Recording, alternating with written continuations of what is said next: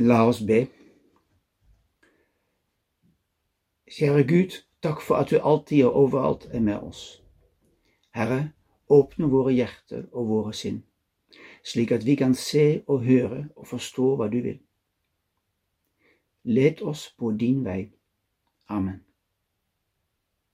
I dag er det misjonsdag og Kristi forklarelsesdag.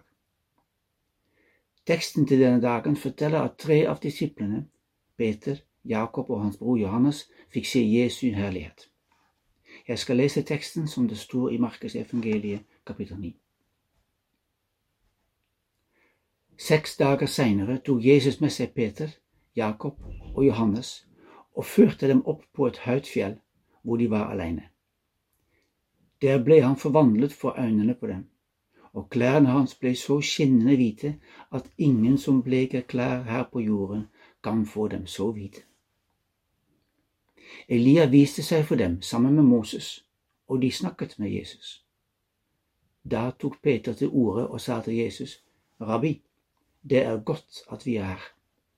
La oss bygge tre hytter, en til deg, en til Moses og en til Elia. Han visste ikke hva han skulle si, for de ble grepet av stor frykt. Da kom det en sky og skygget over dem, og det led en røst fra skyen. Dette er min sønn, den elskede, hør ham. Og med ett, da de så seg omkring, så de ingen annen enn Jesus, bare han var hos dem. Slik lyder Herrens ord. Da de så seg omkring, så de ingen annen enn Jesus. I Matteus evangeliet står det da de løftet blikket, så de ingen andre enn ham. Jesus. Patriark Bartolomeus, den økumeniske patriark av Konstantinopel, sier følgende Når vi møter andre, hva eller hvem ser vi da? Ser vi fremmede, eller drar vi kjensel på Jesus? Misjon handler om å løfte blikket. Når vi løfter blikket, og se den andre i øynene, da får vi mulighet for å se Gud i vår bror og søster, uavhengig av sosial status, religiøs overbevisning eller rase. Videoen som ble vist, viser noe av det flotte arbeidet som vi får lov til å delta i og bidra til. Videoen viser også at det siste året har vært et spesielt år pga. covid-19 og det vil ta lang tid til de fleste i våre samarbeidsland er vaksinerte. De har ikke råd til å kjøpe seg en bedre plass i køen. Men de fleste prosjektene ble allikevel gjennomført. Videoen viser forskjellige samfunn, folk som snakker forskjellige språk, liker forskjellige typer mat. Vi er forskjellige. Men vi er alle Guds barn. Og i første Mosebok kapittel 1 står det Gud så på alt det han hadde gjort, og se, det var svært godt. Men vi opplever ofte at mangfoldet er utfordrende. Paulus har også sett det og opplevd det. I første brev til Korintene, kapittel 3, vers 4-9, skriver han Når en sier 'Jeg holder meg til Paulus', og en annen jeg til Apollos. Er dere ikke da som alle andre mennesker? Hva er vel Apollos, og hva er Paulus? Tjenere som hjalp dere til å tro. Begge gjorde vi det Herren hadde satt oss til. Jeg plantet, Apollos vannet, men Gud ga vekst. Den som planter og den som vanner, er ett, men de skal få lønn hver etter sitt eget arbeid for vi er Guds medarbeidere, og dere er Guds åkerland, Guds bygning. Vi får lov til å være Guds medarbeidere i Guds misjon. Det er Han som gir vekst. Å være Guds medarbeidere sammen. Hvordan jobber vi sammen? Hva menes med et bedre liv? For hvem? Hvem er det som bestemmer? Hvem gjør hva? Og hva med pengene? Hva mener vi med misjon? Hvilke ord bruker vi?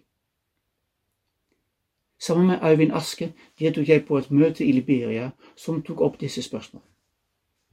Halvparten av de som var der, kom fra Liberia, de andre fra flere land, alle med tilknytning til Metodistkirken i Liberia. Da vi snakket om det som hadde gått bra, da brukte vi ord som felles ansvar, dele, partnerskap. Men da vi snakket om det som hadde vært vanskelig, da endret språket seg. Vi snakket om vi og de, om avtaler og forpliktelser, om korrupsjon, og skyldte på de andre. Noen var tydelig innenfor, og andre var tydelig utenfor. Hvordan skal vi jobbe sammen som gode forvaltere?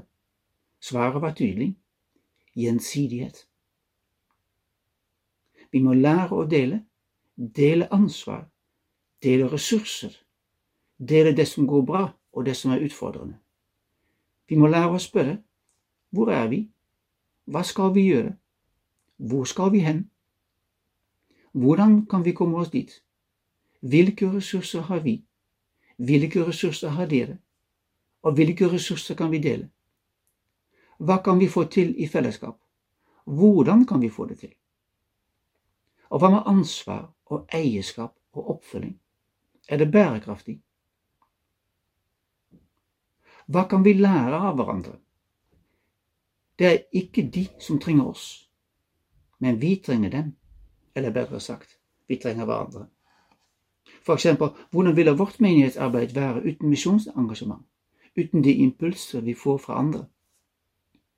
I 2019 var vårt årlige kompetanseseminar i Norge. Da kom våre samarbeidspartnere fra Liberia, Sierra Leone og Zimbabwe, og vi var sammen her i ei uke. Søndagen reiste de alene eller to og to til forskjellige steder i Norge. Å bli sendt ut til ukjente plasser er tøft. Men de klarte det bra, og de ble godt mottatt overalt. Det ble tydelig for meg hvor avhengige vi er av hverandre. Tenk hvis noen ikke hadde blitt mottatt på en god måte. Dessverre er det en erfaring som mange har fått av de som har kommet til Norge for å få en bedre framtid, et bedre liv for seg og sine. Da våre samarbeidspartnere kom tilbake, fortalte de om det de hadde opplevd.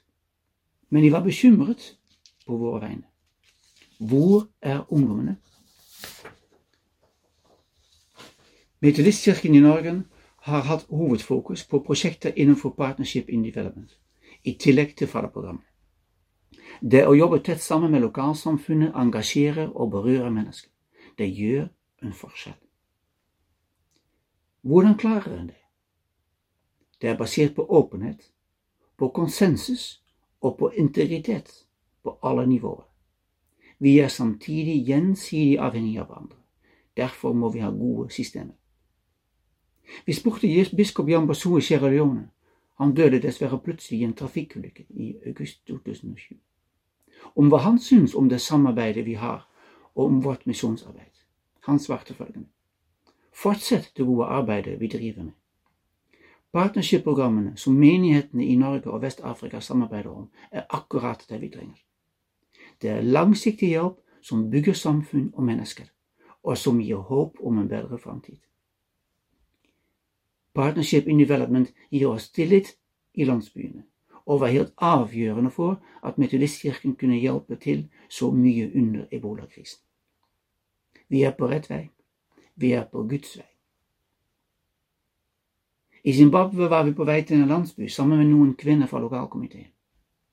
Da spurte de oss har dere nye bønnekalender fra Norge. Vi bruker den hele tida. Vi ber for dere. Misjonsarbeid er kun mulig med Guds velsignelse, som vi kan gi videre til de vi møter på vår vei. Vår Herre Jesu Kristi nåde, Guds kjærlighet og Den hellige ånds samfunn være med dere alle. Amen.